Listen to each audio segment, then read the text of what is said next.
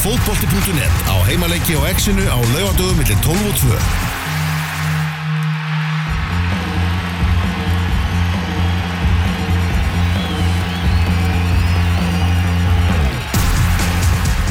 Elvar Geir og Tómas Þór með ykkur í útastáttunum fókbóti.net hér á X-inu 977 og við erum búin að draga fram hérna ennska ringborðið hingað er komin Magnús Þór Jónsson Maggi Mark á, á K.is skólastjórens sjálfur nú ætlar hann að Nú ætlar hann bara að kenna okkur.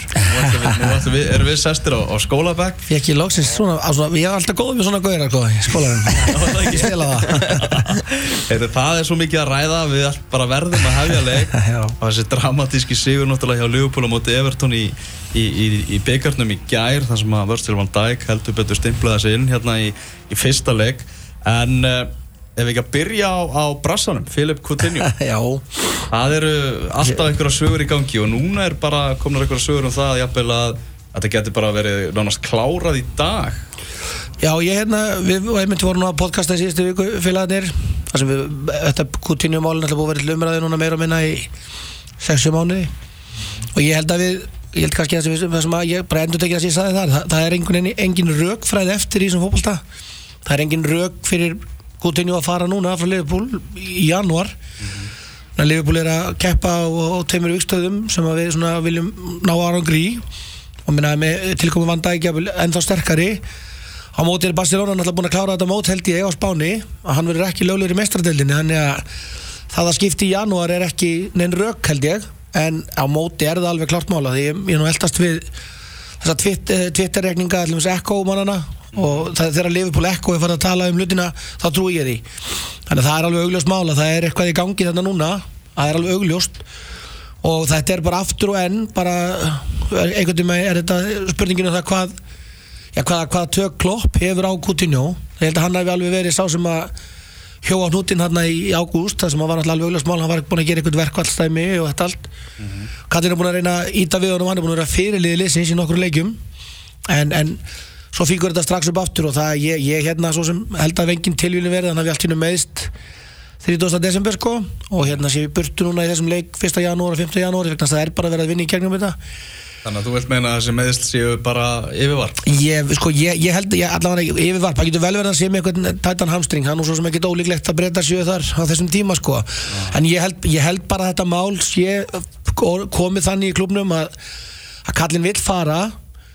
Uh, Nike eru ekki svo vittlusir að setja þessa ölsingi í loftin ef maður sé eitthvað stertbúður í gangi. Ég neita að trúa því að það hefur verið bara einhver, einhver mistök hjá Nike dæ, dæminu að skella einhverju ölsingi í loftið þannig að það er eitthvað í, í farvatninu og svifinu og, og okkar kannski helst að von væri bara núna er þetta gengi frá einhverjum díl í janúar um það að hann færi pottit í summa því ég held að það sem Coutinho er kannski eitthvað pressin í núna er það að hann sé hrættur við það að Barcelona fari eitthvað annað ef hann sé ekki að fá að koma. Þannig að ég held að við séum bara því miður og horfa á eitthvað svona player power og það verður bara svolítið bara fróðilegt að sjá hvernig menn leys úr því því að það er ekki lengur spurning um hvort Coutinho fer og þá hvort það fer til Barcelona heldur bara hvenar það held ég að það sé spurning og, og það hver lendingi verður eins og ég sagði, byrjaði hérna á, það er engin rök að gera Nei. þetta núna, engin fyrir neitt en önnur heldur bara svona einhver player power og agent power hann er náttúrulega með agent sem að sko, verður til þess að fasti liðbúlum muni sérlega kaupa sér Kia bíla á nokkuð tíma á ævina sko.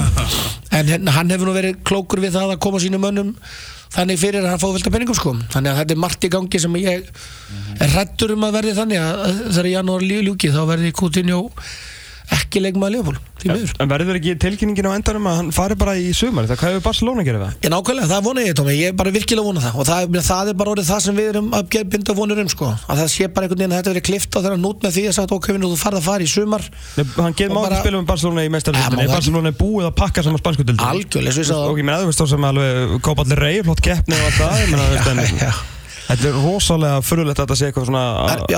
Að blása upp núna það er engin í því það er engin í því nema þá bara, ef, ef, já, bara eitthvað svona, eitthvað svona hræsla í honum við það að komast ekki í Barcelona í framtíðinni og komið einhver kjátt að sá það hugsanlega séu þeirra leiðin í hérna, félagskiptabann og þessu jafnlega eitthvað var að spá í grísmann undan honum og þá var þetta eitthvað svona panic move hjá, hjá honum sem er kjánalegt sko. Og Kia og Kia, já, og Kia er Kia sko. Það er nú málið sko, þú veist aldrei hvernig það allt mál fer, það er bara þannig. Ég kerum að kíja það, mjög fínt.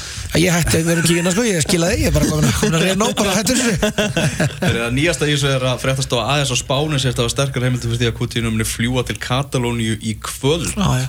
og getið jafnvel fylgst með Barcelona Levante úr stúkun á morgun Ég meina, ég, mér, mér fannst ég, við tölum um þetta þriðudaginn og svo, svo fór að koma byrtjast fréttir af Ekko í gær og þegar Ekko fór að setja þetta inn í slúrið sitt og svona þeir hafa að passa sig á því að vera ekki að hlaupa til með eitthvað slúður fréttir inn í svona alvöru fréttina sínar. En þannig að þegar þetta var komið í gær þá þá, veist, þá var ég alveg því, ok, það er pottið eitthvað þannig gangi, Minna, við sáum enga mynd af honum á vellinum í gær. Sáum þeir, þeir, plasteruðu sala í, í mynd þarna, hvað þetta er annað. Mhm. þannig að við fengum, fengum svo störrið sem fengum svo okkur leikmenni, Minna, virkaði einhvern veginn þannig að Kútinu var ekki á svæðinu og, og bara útlitið alveg á þá. Og þú veist, nýjasta frétti var 150 miljonir punta, ég, meni, ég held að ég held að við myndum, ég held að bara eins og staðan er þá held ég við myndum alveg þykja 150 miljonir punta fyrir hennar leikmann. Hann er ekki á þeim staðnum en tímasetningin fyrir Liverpool er auðvitað mjög vondi hann er auðvitað að lega mjög gott tímabil og kannski sérstaklega ljósa þess að eitthvað var hann í gangi þá er hann búin að vera að skapa og gera fullt af flótu lutum Nú, nú er þegar að fara að ræða svona ímsa kosti sem að getur komið í staðinn fyrir Coutinho hjá, hjá Liverpool. Hver er efstur á blaði hjá þér? Ég, ég, ég er svolítið á Marisvagninum ég er hérna, ekki það mér finnst Lemar ógísla flottu leikmaður en ég ég myndi alveg vilja sjá hvað Maris var að gera. Mér finnst það svona like for like, mörguleiti svipaða típur. Mér finnst Maris múin að vera flottur að undanfarið. Síndir alltaf í mestraraliðinu og lestir hvað hann getur gert og er búin að sanna sig í ennskapoltanum ég er alltaf pínu hrættur við það, ég veit það. Ég er pínu á þeim vagninum að sá sem hefur náð að stimpla sinni í ennskapoltan væri svona góð köp, þetta var náttúrulega dásanlegt að fá Alexis Sanchez. Hann náttúrulega uppáhalds maður minn svona í, það en ég held bara það sá, sá vagnaði farið á sínum tíma þegar við fengum hann ekki. Það er eitthvað svona mössi honum líka að komast eitthvað annað heldur enn í England sko. En ég, ég svona er á því að, að Maris væri að henda ykkur í 50 miljonum bundi að skella hann, hann er 26 ára gammal á alveg 4-5 góð ár eftir og er mörguleiti svona típa sem að, sem að getur leist svipa hluti eins og gútjunur að gera. Þetta er svo bíla þetta er svo mikið Þetta sem varst að segja núna bara að henda 50 miljónum punta í Ríad Mares þetta er bara bult á mig við getum alveg tekið alla þáttin í það. Já, tökum smá tímið Sko. Filipe Coutinho. Þú veist, hrikalega góður í fótbolta. Hann er mjög góður í fótbolta sko. En hann verður ver, hann ver aldrei minnst Í framtíðinni sem einhver, þú veist, bara one of the greats. Samúlæðir Hann verður næst dýrasti leikmaður sögunar á 145 miljonum punta, við segjum að það sé bara puntaverð Lang næst dýrastur. Báðum, bæði sérst upp og niður Ívosmann Dembele og, og Neymar sko.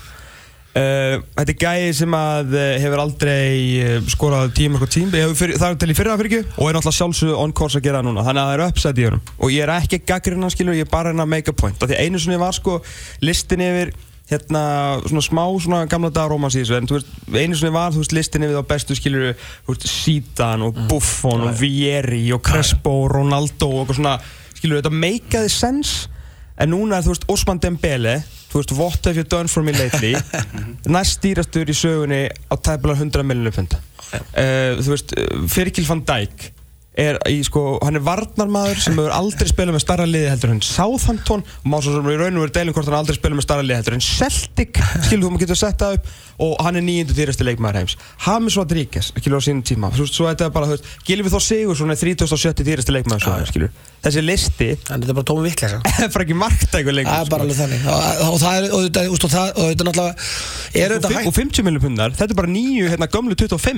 og það, er og, þetta fimm- hægt og 50 miljón pundar, þetta bara nýju gömlu 25 algjörlega Það alltaf bara þú ert að kaupa einhvern mann hérna ræval, alltaf 25-30 Já, já, nákvæmlega. Bara 50 er bara nýja já. verðið sko. Nákvæmlega, og, og þetta er alltaf, auðvitað held ég náttúrulega þessi Neymar, þessi, þessi, þessi Neymar díl í sumar var kannski einmitt svona byrtingamindi líka bara á þessu formi sko.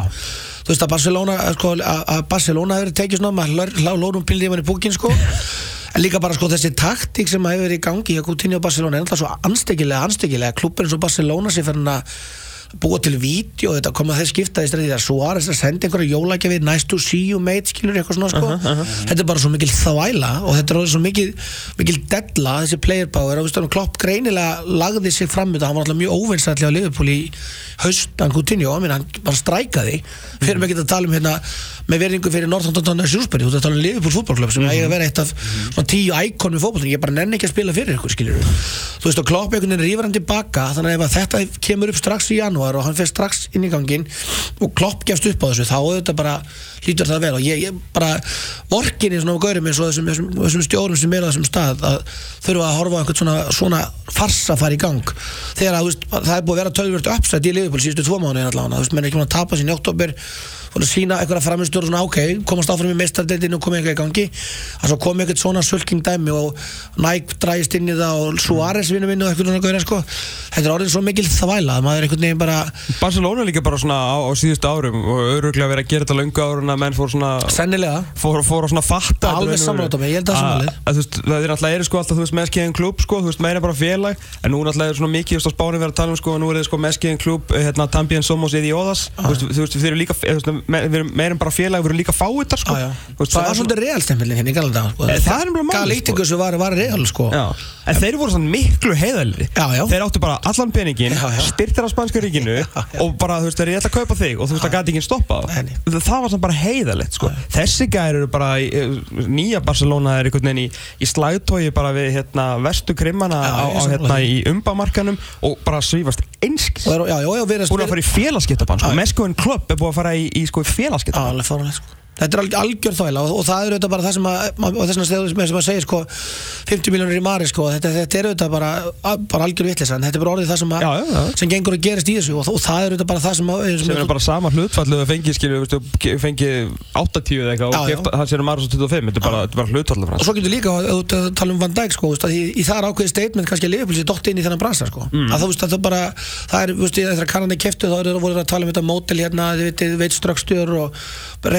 með hérna financial fair play myndi einhvern tíma virka sem þetta voru bara einn stærsti brandarinn með neitt einhverju miljóðum í það búið til einhverju reglu sem að enginn sko stoppast af sko. PSG tók þær reglur og sýndi sem þeim sko, með Kylian með pappi það er bara svolítið bara pappirinn bara notaður í það sko. og, það er einhvern veginn núna að þeir geri þetta fari í það að bara kaupa bara fann dag fyrir bullveri sem sátt hann sett upp. Er bara einhvern veginn svona ákveðin statement breyting sem að, og, og það er kannski það vonda við það ef að það myndi hún að þýða það að Liverpool fari í slagum annars þetta einhverju viti og myndi vinna FA byggarna kemist langt í meistaradeildinni. Mm. þá er það kannski sönnunin á því að, veist, að þetta er bara það, sem þú þart í nútímanum. Já.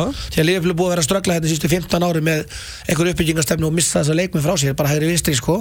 Taka þátt í leiknum og þá ertu strax komin á einhver, einhverja braut sko. En, all, en var Van Dijk uh, Van Dijk penningurinn þú veist, vissur af, þú veist, er hann gaurið sem er að kaupa fyrir kontinupenningin er, er þetta bara eitthvað sem er sprautu inn? Já, þeir, þeir, sko, eins og eins og er sagt er það, þá hafið þeir búin að taka frá einhverja 60 miljónir Ok. í Van Dijk þegar hann, kemur sko, í sumar. Og svo hefur náttúrulega verið mjög gott revenue í, í haust, náttúrulega búið að vera ótrúlega mikið, mikið eitthvað bönnsins af penningu sem er dótt inn í þetta og þeir komast á fyrir mestrarlítinu þá er það bara eitthvað viðbótin sko. Ok. þannig að þeir vilja meina það að kútunupenningu verði bara öllum skuttlað aftur inn í eitthvað leikmannakaup sko. Ok, ok en það er bara, en, en, en á móti þá, þú veist það aftur aðeins, sko, sko, hvað er það sem að er þá farið að reka þetta, þessa gauðra minna, við að tala um svona menn svo Neymar sem að hefur ekki talið blásið en herlúður í Pari, sko og Coutinho er að fara að gera þetta hérna núna, sko ég og hver, og hver er, hver er ambisjónu, það er ekki peningur hann er, er, er á vildi, 170 spundar launum að þá ertu komin inn í eitthvað svona, svona eltingaleik og það er það sem að, maður er að heyra þetta núna að jafnvel Nike sé að keira þetta upp vegna þess að seljist ekki nógu mikið að treyjum af Dembele það var að nýjast þess að koma upp að, að, að það verið svo mikið, mikið, mikið downgrade á Nike vegna þess að vanti sko söluverið það, það er engin svona, það er engin íkon Messi selur ekki alveg lengur sko og þeir sé að rekka Barcelona í það að gera þetta núna. Það var einn sagan sem var komin í ekkoðun í ger mm. Vistu, og, og maður, komið þannig, já auðvitað þú veist, það þetta getur það verið. Þú veist, nú selja ég bara hérna 50.000 kútinutreyjur í næstu viku og bara konum með íkon sem geta henda okkur á ölsingaspil sko. Já. að þá er íþróttin farin að vera eldast við svona hluti sko, sem er líka held ég eitthvað sem er bara Beckham kannski byrjaði á sínum tíma sko, en algildur hlutur sko. þegar ég var Brasilíu markaðurinn er ekkert lítill hann sko. er ekki lítill sko, það er nákvæmlega málið eitthvað svona, eitthvað svona uppsprengi því að fólk á pening þar sko, þegar ég var úti, úti í núna í desember þú veist, ég veit ekki hvað, ég, ég fór og kefti svo allir hinn, salabúning fyrir bönnum mín sko og þetta bara, þá var bara allt plasterað með sala sko, þannig að allir komnir inn í þennan leik. Ef þú labbaðir inn í búðina sal, það var sala í úlpunni, það var sala í náttúrtunum það var sala í þessu, það var sala í hinn sko. Kostuðu treyða mikið? Já, ko- kostuðu náttúrulega bara fullt. Það Var ekki útsala? Það var ekki útsala. Það var skemmtilegt með þessi sko, Þannig að þú náðu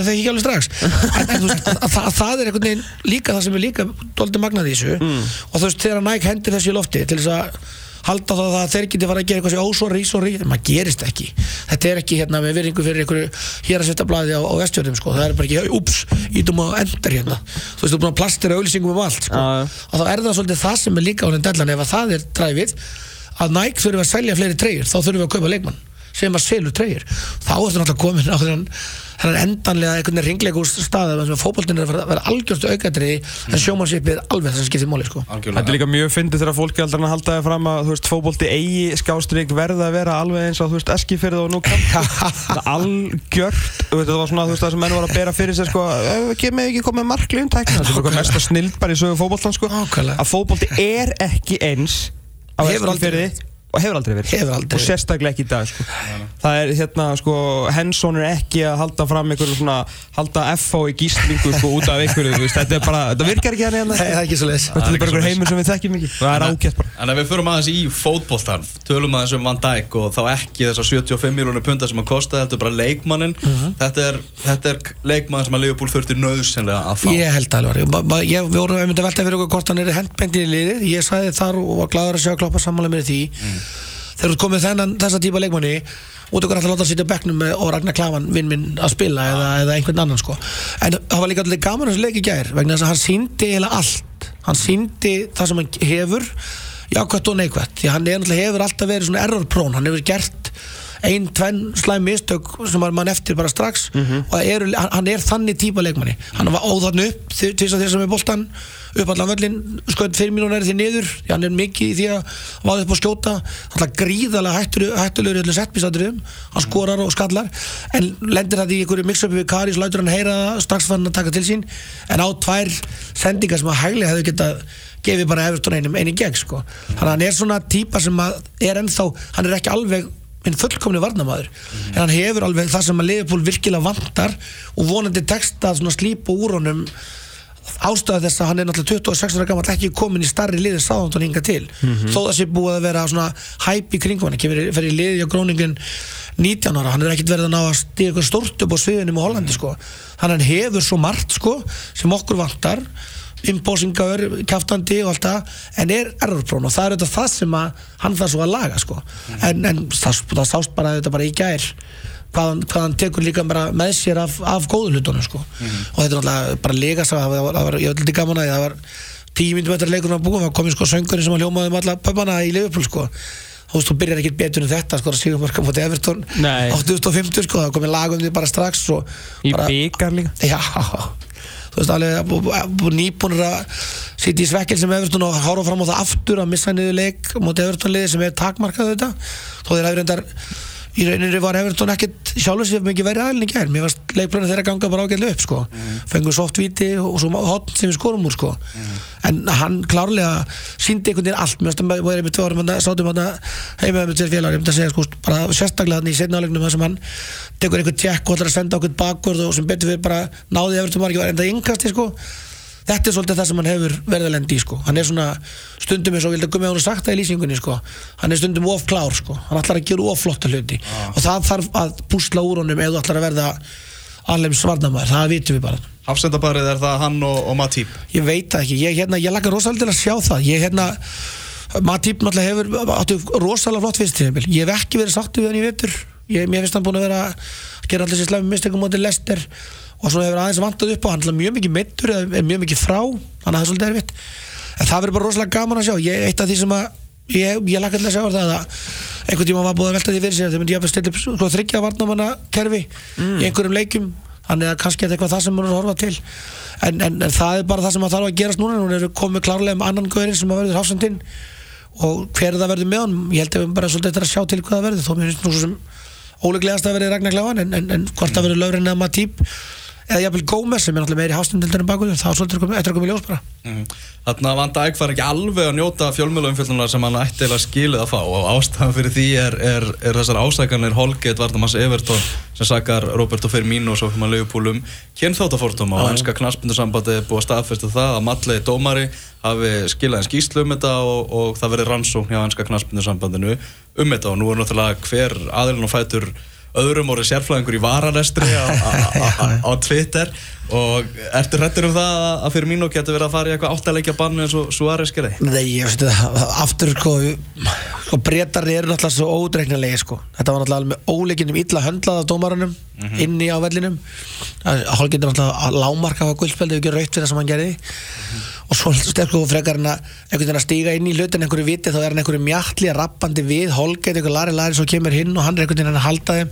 Hann er svona dómari það var sem þetta alveg einstaklega illa höndlað af honum ég meina, ég, vissi, ég, ég reyndi nú með varalestunum á netinu í morgun og hann segir klárlega Filiata Puta sem er afkvæmi vandiskonu á portugalsku og hann segir það en, en, en hvað kemur meira veit maður ekkert alveg og ég hef nú stundu sagt að alltaf geta verja Suárez því hann er náttúrulega raðvittlisingur í alls konar málum sko. að það er alltaf svolítið verið að taka hitan úr sportun ég skil fyrir mér mjög vel að hafa hann á- árið með reyður því að það ekkit, var ekkert holgett að þakka hann, hann stóð þarna upp á þessu svona.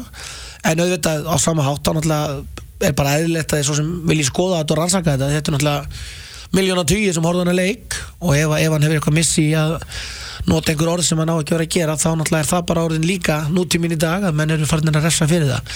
Þannig ég held alltaf að það er settur í gang, einhver ranns- rannsókn í ennska boltanum þá hafa hann á marga hverjar enda fyrirlega þannig að óttast maður að það geta alveg eitthvað verið að koma sko. Manni finnst svona satt þess eins- eins og flesti sem eru að rýna í þetta telja einhvern veginn að annarkvort það er bara Holgate verið einhvern veginn að miskilja þetta eða, eða eitthvað slíkt. Já, ég, ég, það er mín tilvinning í dag. Ég, mér fannst það, ég, ég horfði á þetta nokkuð sem í morgun og hann, það eina sem maður sér og þeir eru konum með kameru sem fara mjög nálægt það er maður, maður sér það mjög greinilega. Hann segir þarna fyrir þetta púta sem er bara svona eins og fuck off á önskunni eða hvernig það allt er.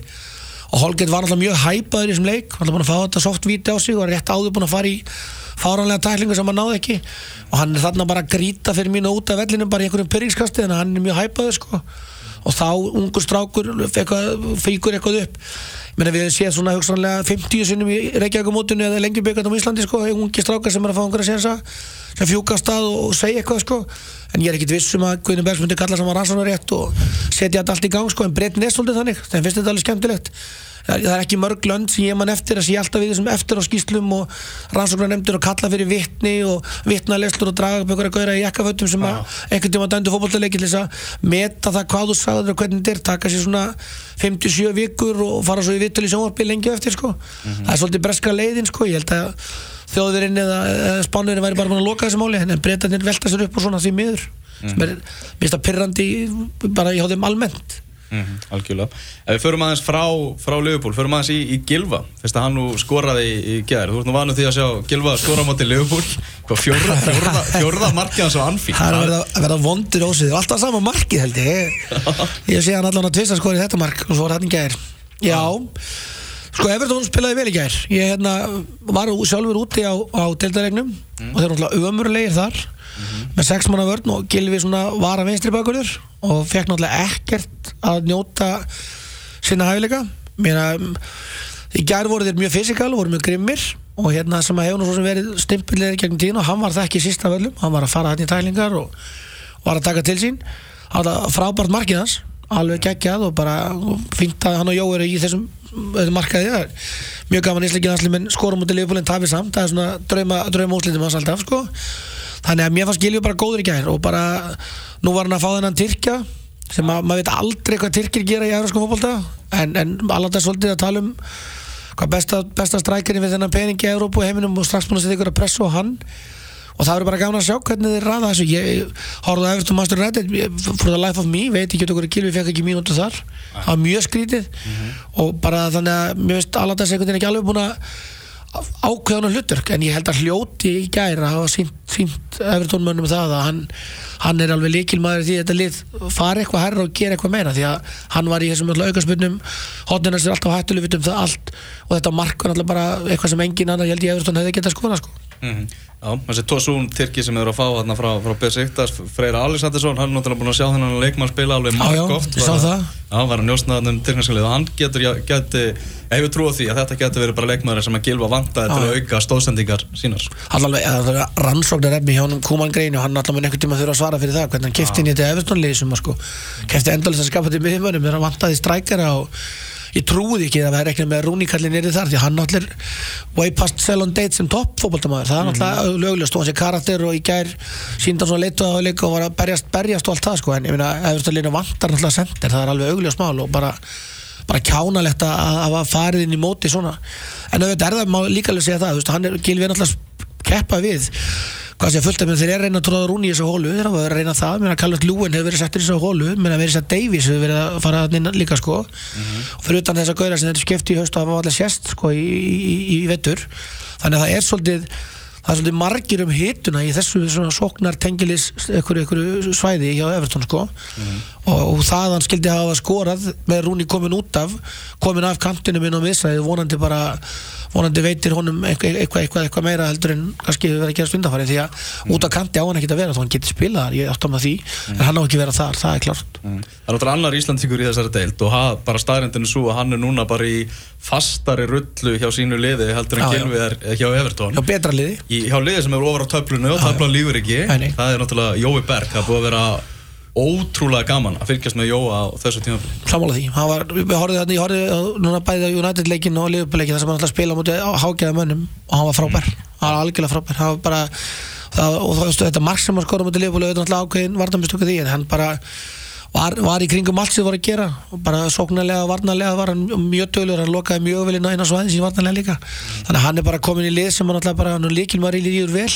Og þetta börnlið er, er skeinsamt bara, ég held ekki alveg ná langt. Þeir eru með svona, svona formúli þeir eru ekki eins sko, ógeðslega varna sinnaður og svona 10-12 liðis þeir eru deltu þeir eru góðir varnarlega en þeir eru aftur á móti líka með mjög flott plan hvernig þeir sækja. Og með gáðgöður sem taka til sín. Þannig að þetta börnlið er bara alveg fótballtalið og Jó er alveg klárlega en líkil maður í því liði. Það er bara frábært. Stórkvæmst að sjá hvað hann er orðin einnig að segja svona þroskaði fótboltan Það finnst mér bara all, alliða fólkbóltan bara við, við, við vissum alltaf að þessum vinstri fætti og svona einhverju sprengju og þú veist, taka menn á að senda hann inn í en bara, hvernig hann var að verjast þarna hvernig hann fljótur þetta inn í svæðin sín leysandi inn, farað út farandi í tæklingar. Hann var bara, bara, bara flottur fólkbóltamæður sem ég held að sé alveg hann er ekki að fara í verra liðin börnlega alltaf hann í framtíðinni, menn hann er líka fullt af árum fyrir sér og hann geta alveg séð, við getum alveg séð það að eitthvað svona starra nafn myndi prófa að taka hann þegar hann er komið þessa, þessa eiginleika sem hann er að sína okkur núna. Förum aðeins í, í liðin sem eru hérna fyrir ofan Liverpool, Manchester United og, og Chelsea. Það er eiginlega bara við, vel við hæfa að taka þau sama núna með við það sem er gangi í ennskum fjölmjölum Milli Antonio Conte og Jose Mourinho. Þeir nota bara hvert blaðmannafundin í að vera skjóta þarna á milli Mourinho lítur að vera skildur Dennis Weiss sem að gæti komið að stað slagsmálum með einni leigubíl skilst mér sko. Mourinho náttúrulega hefur alveg búið sér til þessa ári síðustu ár og það er alltaf bara spurningin hver það er sem lötur draga sér í þetta með hann nú konti bara komin á fullt sko. Vengar hættur eða nennar svara hann og svona einhverju viti sko, sem alltaf lengi vel við veitum allir hvernig hann og Benítez voru þeir voru allir svona strákar í sangkassa í fjóra fimm ár þannig að þegar konti fyrir að svara þá veit maður alveg hvað gerir sko. ég held einhvern veginn að skóls menn skóls að vita að svara hann ekki tilbaka hann let bara ákveði, þetta er múrinu bara þegi mm. konti, konti gefur hann eitthvað smá og þá er múrinu bara klókur í þessu. Að varpa svolítið hvað sé að aðteklin af því að liðið hefur ekki verið að ná alveg árangri. Voru strögglandi með hans í gær. Breytir á móti dugluðu darbi liðið fannst mér. Það þá svona þegar þetta var búið.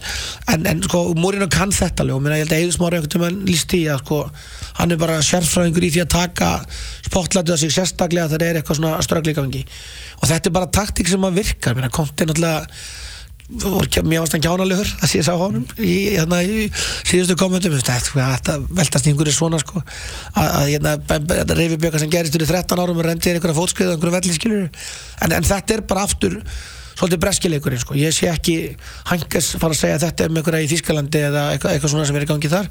Að breyta þér hæpa þetta, þetta allt upp. Bæði þessi liður náttúrulega frábær fótballtalið, frábærlega mönnu fótballtalið og ég eiga, að mínu viti eiga, eiga sko, minna sitt í náttúrulega svindlið í vetur. Og þetta er svolítið leiðilegt að móti sig eiginlega bara búið í Ef janúar. ef við tökum sitt í frá þá væri þetta bara sko fimmliða uh, Já, titil bara. það er bara svolítið svoleiðis. Það er bara svolítið bara maður býður eftir hvaða lið misti það sig sko. tóttan er mistið sem mútið vestam hafi gert það reglulega þannig í november og svo aftur í heimaleiki mútið vestbrómið og Everton sko, sem hefur náttúrulega bara verið að klárlega 60 í, með, með við mistmatsi á liðunum sko. Að, að að United og Chelsea eiga náttúrulega bara að vera að berjast um þetta annarsætti alveg klárlega.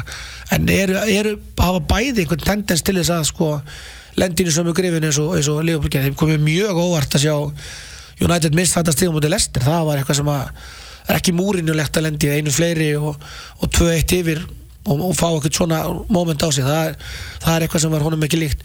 En, en kannski líka, minna Lukaku hefur kannski ekki alveg verið að hella sérstaklega í stóruleikjunum og Morata náttúrulega getur nú heldur betur horta á sér til hennar rassinarleik, hann fekk nú færin til þess að skora þar. Þannig að það má kannski segja það að, að það sem báðum þessum liðum vantar er bara svona einhvern veginn á svona áttinn átt killer striker sem er að taka þessa leiki, ég meina Lukaku hefur verið fínn í, í leikjunum mútið litli liðan sko. þannig að það vantar einhverja um báðum og já, flottur og Pogba hefur verið, þá hefur hann samt ekki náðu að vera að skora eða, eða, eða skapa einhver mikið, mikið af mörkum sko. og Hazard, ég að skora, hann er ekki búin að skora sjö maður sem hefur verið að skora miklu meira og taka meira til sín sko.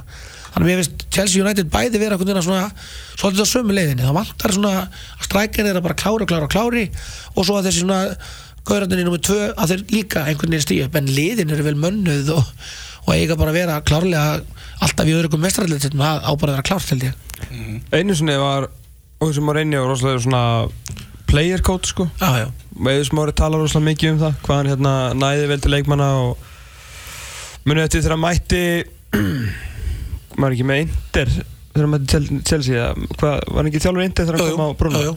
og stóð í, stóð í göngunum þegar þið voru að koma hitt upp og tókuðu alla á sambandi af því að allir elskuðu hann svo mikið Já, og já. Hann var hann að klappa þeim og hann svo, hann hafði haft svo mikil áhrif á þá sem leikmenn og menn Já, já.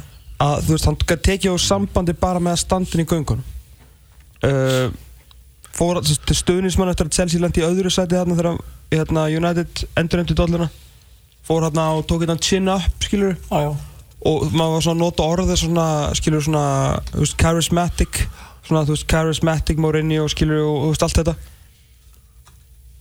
nú einu fréttina sem maður fær í dag er bara hann í stríði.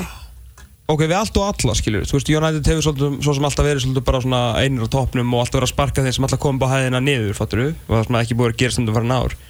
En núna eru einu leikmannafréttinar annarkvort hann bara, þú veist, að pleinja að drulli yfir eitthvað fréttir að hann sé á baka tjöldur að drulli yfir eitthvað eða hann sé að beðast afsökunar eins og gær að hafa, þú veist, tekið þú mikið terjan út sem átti greinlega að vera eitthvað svona eitthvað svona dæmi, svona já. eitthvað smá tilbaka sko Já, já. en það eru hvergi fréttir lengur eða svona viðtöla sem menn eru bara eitthvað svona Mm. þú veist, Mourinho bara því líka áhrif sem hann hefur haft á líf Sko, ég, náttúrulega, Mourinho náttúrulega þetta er Portugali og mamma minn heitir Bjónu hérna út í Portugali ég held ég séð örglega næst uh, annan leikinn sem hann stjórnaði sem stjóri þá þegar hann tók í Porto þannig að það voru eitthvað 2002 eða hvað það var og þá var, var, var, þá var hann komið frá Barcelona og ég, ég fylgist nú alltaf með þessum portugalska fólta út af þessum tengslum sko.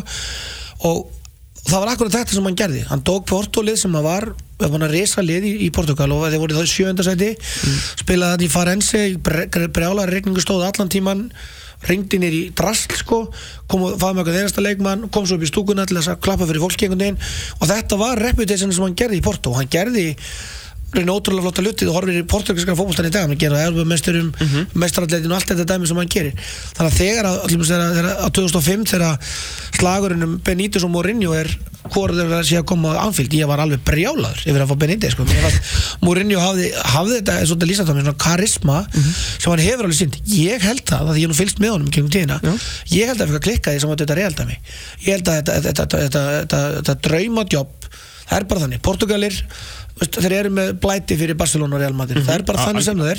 ef þeir fá séns á því það fara það það er bara alveg sama veist, hvað þú getur reyfa með fíku búin að taka sko bæði Real og Barca. Eða raun og veru ef þú tala allir. Portúgal, Já, Brassar og Portúgal. Já, nákvæmlega, bara, þetta er bara tölið Þarna fær hann draum á djópið og þarna fer hann að lenda upp á kant við Ramos og auðvitað menn sem eru sennilega stærri heldur en klubban einhvern nátt sko. Mhm.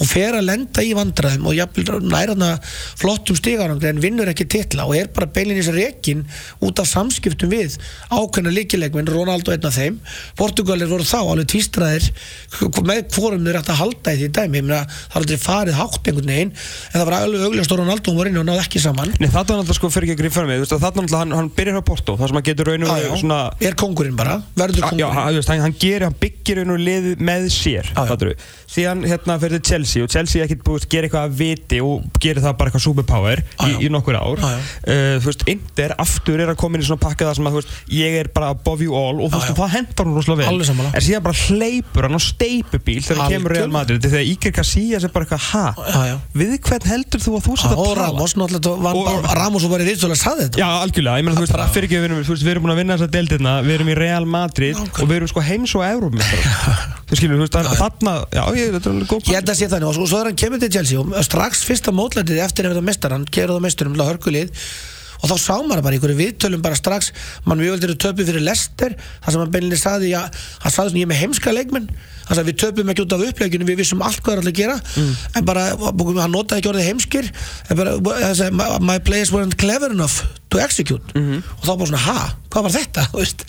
Ég bara þetta er svona, þetta er svona einhvern veginn sagan bara breyttist þarna þannig að þegar hann fær mótlætið í Chelsea dæminu þá fíkur hann upp og hann er bara búin að fastur þar og að láta veist, þessi ummæli sem er að, að láta ergja sem skóls þú veist, þá, þá er bara ekki jafnvægi á kallinu sko. það er bara veist, með, einhver, með fullir virðingu fyrir um leikmaði leysins þú, þú takir einhvern tími að drull yfir hann og svo ferðu allt inn á aftur en að mæran, hann er einn af bestu leikmunni sem klubinu aftur eitthvað sko, og þú missir þig í það að fara að svara einhverju svona þá ert ekki alveg í jafnvæginu sem þú held ég verður að vera til að stjórna svona klubum eins og United er. Meni, ég, stundum hef ég ágjörð sem er minn mann Klopp sko, hann er líka alveg lendi í þessu. Að láta fiska sig í eitthvað svona pyrring sem að þú sérð ekkert Gart Jólas og glatt gera þess að kalla að gera sem eru bara með þetta jafna ekki? og þetta er þetta bara mörguliti leðilegt ég, ég held að Mourinho sé svakalegur stjóri og þjálfari og allt það alveg klart mál. En hann er svolítið að detta niður í eitthvað svona eitthvað töðgýr Þetta er þetta snýst allt um hans algjörlega, hann er alveg orðin hann verður, það er það svo tilfinning sem hann hefur, hann þarf að vera miðpunturinn í öllu sem hann gerir Svo staðrænt líka að hann sé náttúrulega ennþá á hóteli eftir allan Já, þann já. tíma hjá Manchester United. Hann er ekki búinn að finna sér hús í Manchester. En fjölskyldna býr ekki með honum og svona sko. Já, þannig að hann er bara á hótelherbyggi og bara búinn að búa þar. Reyndar ég búinn að sjá myndir af þessu hótelherbyggi og það er alveg þokkalegt sko, þetta er eiginlega hótel íbúð bara sko. en hann það er náttúrulega svona ákveð vopt sem að enski fjölmjölar hafa til að segja bara, heyrðu, þú ert ekki að búast við því að vera Og, það, og, og það eru þetta bara og, það eru þetta eitthvað sem mann alltaf meiri segir þegar hann gekk eins og á Chelsea skóla það verið svona 2-3 ár Já. sem hann hefur einhvern veginn dugað á vegna þá einhvern veginn er svo hann tæmi bara bara tæmi sko þólimennar sem er hafa kakastónu sko en, en, en það er bara doldið súrt að rauninni hann skulle ekki ná að ná að verða þessi stjarnar, alveg stjarnar sem hann held að hann var að fara að verða hann alltaf þegar hann sérstaklega þetta með Inter að taka gamalt lið hvað ekki meðal aldrei 31 ára eitthvað sem hann vann, með mestrarlinni, ég held það sko. Kallar sem að eftir það bara hurfi út í út í, út í nóttina og Benítez minn endaði með eitthvað tíundasættu var reygin hjá sko. Það varst þá hefur hann svo margt. En einhvern veginn núna þá, þá er það einhvern veginn þannig að veist, maður veldur alveg fyrir sér já, ég allan er að gera það, hver tekur við Master United, þú veist, hvern taka þér næst sko. þess að maður sér það ekki að hann sé að fara að koma með einhver í þar hæður ég, ég trúði ekki að sé einhver þryggjara samningur í pípunum hjá United í Mourinho, ég, það kemur mér mjög hóvart ég, ég sé það ekki alveg vera. Ég, þá eru þessir amerísku eigendur jafn vitleysir og svona yktustu vinnir mínir í United sem að vilja bara henda, henda þeim út, þá eru þeir bara kannski meira hugsa um að selja treyjur og, og, og fá fólk á völlin heldur en það að svona byggja upp ethos, ég, veist, minna, ég ætla ekki að fara að tala mikið vel um Manchester United. En það sem að Ferguson þetta bjóð til var náttúrulega bara ógeðslega skemmtilegt fótballtalið og það held maður þegar Van Gaal var svolítið búin að taka það niður og fella inn í voru líkil maður þá myndu United menn kannski bregðast eins og við þegar við gáumst upp á Húli á sínum tíma, meina, maður gati ekkit varið að lengur að halda með Liverpool eins og Húli er sletti liðin upp, sko, þó við varum að vinna einhverja deildaböggakefni svona, sko, þar sem við vorum bara með heskeininu og topp og svo dundra langt, sko. Að United er svolítið að dettin í þann kyni sem að, sem að allir þeim var svona gamall, sko. Þá, þá, ég vil, ég nenni ekki að horfa á 0 leiki eða 1 leiki eða einhverja svona, svona sigur leiki sem eru gerðið þannig, sko. Og það var alltaf, United var alltaf þannig lið. Og ég myndi alveg vilja sjá þá koma inn í þessa að, svo getum við alveg talað um það að vengar kannski búin að ganga langt í að vera með sóknilegna á gjárangri sko. þannig að en, en kannski er bara það sem er málið að þó, það er ekki einhvern veginn en ready made replacement í heiminum til þess að taka svona lið og gera það sóknilegi sko. Smá út út úr bara skemmtilegsta fótballtasaða dagsins. Með endur koma Diego Costa með Atletico Madrid.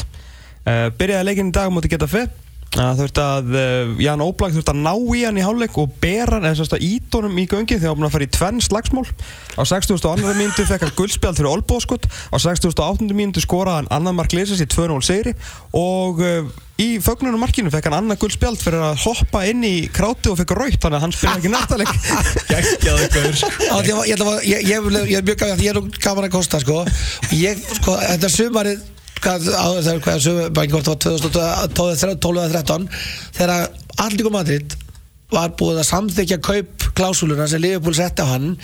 Ég sé, ég, ég er ennþá ergjum á því að hann vetur hefðu ekki séðast Luis Suárez og Díko Kosti saman lið. það hefði verið, því að, Chelsea gerir þetta líka kaupir hann sko, Þú það hefði verið eitthvað sem við höfum aldrei glemt það var að fá saman í liði. Ég veist að þeir, svo fengið rautur að slast yfir sko, það var þetta var bara, allir í alveg að stilla þessum mönnum upp í saman er eitthvað,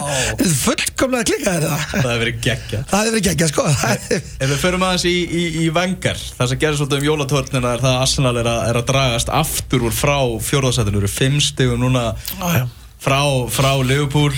Ég vorkjum hann, hann bara einhvern veginn svona hann þrjóskast áfram Já, að ég þetta- sammála. að þetta er ekkert að ganga. Þetta er ekki að virka. Þetta, Wen- Wenger er, Wenger er, er svona, hvað að segja, hann, hann er, hann er, hann er hámark nostalgíunar þú veist, og það er bara þannig sem það er. Og það er bara, ég er náttúrulega þú veist, maður ber virðingu fyrir svona kalli sko, sem hefur náttúrulega náð ótrúlega langt og búið til ógeðslega mikið af flottu fótballtumönnum og, og hann er að berjast í þessu. Þetta er bara orðið nostalgía. Þú bara, þú bara nákvæmlega sem ég held að sé að breytast til þessum mínu liði hefur aldrei breyst í Arsenal. Þú veist, bara þetta statement með Van Dijk Wenger hefði aldrei keft Van Dijk á 75 mjölum punta og ég skil hann alveg kannski en þú veist, þetta er bara það sem Arsenal einhvern veginn vantar. Sækja sér sem hann er sýnist Sanchez og Özil hvort það er í janúar í, vor. Þú veist, eru þeir þá ekki bara endanlega einhvern veginn að stimpla sig út úr þessum slag? Því þetta er náttúrulega breytingin og svo, þetta er náttúrulega bara sex lið í þessum hatti sko. Það verða tvö lið af þessum sex sem að það það sýttir náttúrulega pottit fyrir mestaraldina en tvö lið af hinnum fimm sem er ekki að fara inn í mestarald sko. og ef Arsenal fyrir ekki inn í mestarald aftur núna sem að manni sýnist einhvern veginn vera bara nokkuð augljóst þeir, þeir eru þeir sem mistíka sig oftast og eru bara með veikasta leikmannofni ef við rúlum yfir það. Að þá er það einhvern veginn bara endanleg uh, sko, bara sönnun þess og það að fengið hennar samning síðast er bara aftur svolítið skrítið og sennilega bara eigendur sem er í einhverju nostalgíu að vilja horfa á skemmtilega fótbolta frekar heldur en árangsíkan sko. frétt þetta líka frá félaginu er verið- verið svona að breyta aðeins skipur, skipuritinu í, í félaginu og öllu því en þeir eru að stefna því að ná í leikmennina yngri Já, já. þú veist áður en þeir verða svona dýrir uh, er, er þetta því að það að Arsenal ætla bara að vera þarna á þessu svæði bara næstu árin áfram líka? Það hlýtur að vera. Meina, og, og þetta er, er mótil mínu viti þegar, Liverpool selur Suárez á sínum tíma þá taka þér einhverja svipaðileg kaupa Kahn, Lallana, Löfri kaupa þarna einhverja átta leikmenn sem eru alltaf að fara að búa til ég held að með unurinn einhvern veginn sem að núna að, þá, þá, þeir eru reka Rodgers og skipta klopp út og eru núna að fara í eldast við Keita og eitthvað svona sko. Að og það er búin, og það, voru við á þessum tíma. Unglingalegi á Liverpool er, er lang eftir. Allir við lánum ekki svona 6-8 leikmenn í janúar, leikmenn sem eru bara nokkuð góðir. Sem fyrir svona þremur árum hefðu bara verið að spila Liverpool leiki frekar en að kaupa Van Dijk þá því Corey Whelan sem var núna lánaði til Jóvil sko, við settur í bakkurinn, komum sér hafsendin þetta hefðu við gert fyrir 2-3 árum fullir í Liverpool plott lúnglingalið, já, látum Harry Wilson spila og fílum bara, við skulum ekki kaupa hann að sala sko. að breytingin sem að Liverpool er að gera núna með að kaupa fáa stóra leikmenn það er eitthvað sem ég held að sé svona, við ætlum ekki að vera á þessum bakka því að það vita það allir að þessi kannar sem kefti Liverpool fóru og töluðu við mikið við Wenger og við eigandi Arsenal og voru að skoða mótul og vitnið í þetta mótil þegar ég kefti Liverpool. Við ætlum að vera svona Arsenal, við ætlum að vera klúpur sem að tekur unga leikmenn og náum árangri þannig fyrra virkar ok, geftu unga leikmenn, búið til góða leikmenn en þú nærði ekki árangri svona í dag. Það er bara það sem þú þarft að ákveða. Þannig að ef Arsenal verið þessu þá verða þeir fyrir aftan þessi lið sem eru að söða laum. Og það er náttúrulega einstaklega erfitt að ég var úti, úti í London í fyrra þá fór ég á Tottenham bæði Leifugusson og fór hann upp í Norður London og var að spjalla við svona Tottenham jæsla þeim finnst þetta náttúrulega æðislegt að mér sé að Tottenham er komið ofarið þeir sko, það er bara eins og fyrir okkur Liverpool en Everton var alltaf komið núna með fullt af penningum og við varum að velta svona fyrir okkur. Þá er þetta bara pílindi skrítið því Arsenal alltaf var náttúrulega ljósar um undan Tottenham og bara liðið sem var alltaf til maðurinn allan tíman sko, þá, þá er þetta, þetta er svona, eins og segir, maður kannski vorkin honum einhvern veginn en skilur ekki alveg stefnina sem svona klubur alltaf að fara í sko. Rétt að, rétt að lokum aðeins um meistaradeildina styttist í að hún fara að stað aftur í, í februar það búið að vera náttúrulega að rosalega gýr á ennsku liðunum það er svona Evrópugýr á þeim. Fáum við ennst lið í úrslitaleg meistaradeildinar Ég held að ég, ég, ég held að ég hérna mér finnst Manchester City vera dag það er bara einhvern veginn þannig að bara Guardiola maður, er svo klikkar og þannig að fekk allir einhvern veginn allstað stærstu liðin en mér finnst hann bara að vera að koma með lið sem að, sem að fer í það að vinna sem mestradeld ég, ég held það að, núna þá séu þeir í tveggjalegi serju alltaf bestu besta liðið í Európu held ég. Mér finnst Barcelona ekki alveg á þeim staðanum minna Paris Saint-Germain eru vanir að kúka upp á að nakka einhvern veginn svo þeirra liður lengra mótið. Og ég held að Neymar breyti því ekki. Hann er ekki sá karakter hann er góð hópaltamöður þannig ég held að við sjáum bóttið sitt það kæmur ekkert óvart að við sæjum Chelsea sitt í úsleik sko. það, það var ekkert ekkert óeðlegt og ég meina og aftur Mourinho er náttúrulega maður þessar að tvekja viðrögnilegja Klopp hefur verið að fara langt í þessu líka. Þannig að mm þjálfararnir þessara liða eru, eru með klókir í, í tvekjaleikja serju þannig ég held að eiginleikandir verði, verði allavega neitt í jafnvel tvö ef að drátturinn myndi vera þannig í framhaldinu. Maður finnur fyrir því svona út að við náttúrulega fylgjum svo mikið með ennska bóltanum við Íslandingar og nú er náttúrulega Manchester City bara búið að vinna ennsku úrvasteldina og öll þessi ennsku lið eru ennþá í meistardeldinni maður finnur fyrir, ég bara langt sann ég fundið fyrir jafn mikið spennu og stemmingu fyrir því, sko. og það er auðvitað, verður bara verður bara mjög gaman að sjá. Þau þau náttúrulega getur náttúrulega fara að lenda saman eftir þessum umferð sko. En ég, ég sé þau í rauninni öll kannski minnst tóttina en ég held, ég held að öll hinn fjögur verði í áttalústum held ég. Ef við horfum á tveikjuleikja sérið hvað er, er að fara að klára? Ég, ég held að við sjáum allan að fjögur eins lið áttalústum sko. Ekki útlöka tóttina, þeir vinna bara Real Madrid Já, já þetta, og þeir eru svona að þeir eru kannski einmitt með svona en að minnstu reynsluna í sko leikmanna hún við að þjálfvaranum með, með að þeir, það sem er að minna að Liverpool að því að horfum á portugalska fótboltan sko, Liverpool ára betra liðið Porto, það er bara þannig þannig að og minna United og Mourinho, Chelsea City, það, það, þetta er það er ekki útlöka, þeir eru fimm í áttalústum sko. það er bara þannig Það er bara þannig. Maggi, bara frábært að fá þig. Þetta er búið að vera mjög skemmtilegt spjall þar sem við tókum ennska ringborðið hérna bara að nóg að ræða. Það vantaði ekki, sko. Tómas, þú ætlar ekki að vera með okkur á eftir viku. Nei, ég ætla að vera í uh, sumar og sól í uh, New York Nefna ekki sumar og sól. Nei, ekki sumar og sól, ég ætla samt að vera í New York Þannig að ég verð endar ekki hérna Þetta var eitthvað kappleik í New York, eða? uh, Ég er að fara á NBA Já. En uh, liðin í, í The National Football League í New York Þau eru ekkert sérstaklega góð þessa dagana Þessi dagrin Þannig að uh, ég átti ekki möguleika á, á að sjá þá. En ég er allan að mögulega með að bæði á Knicks og uh, Nets. Þannig að getur fara á tvo körpullar í. Já. Þannig að það verður eitthvað Það er ákveðin stemming í því. Já, já Herðu, við bara þakkum kærlega fyrir hlustununa í dag. Já, það held ég nú. Tómas Elva Gerð þakka kjalla fyrir þessi dag. Herrum Jóliður Sigurðarssoni, herrum í Sæferi Péturssoni, tókum mennska ringborða með Magga Mark og fórum aðeins yfir landsliðsferðina. Strákarnir okkar, þeir eru lendir í Indonésiu. Minnum á það að pre-season football hefst í eiginsöllinni í dag. Fjölnir, Valur og svo kjarnafæðismótið fyrir Norðan. Eh, Ég er þetta ekki en Elva Gerð verður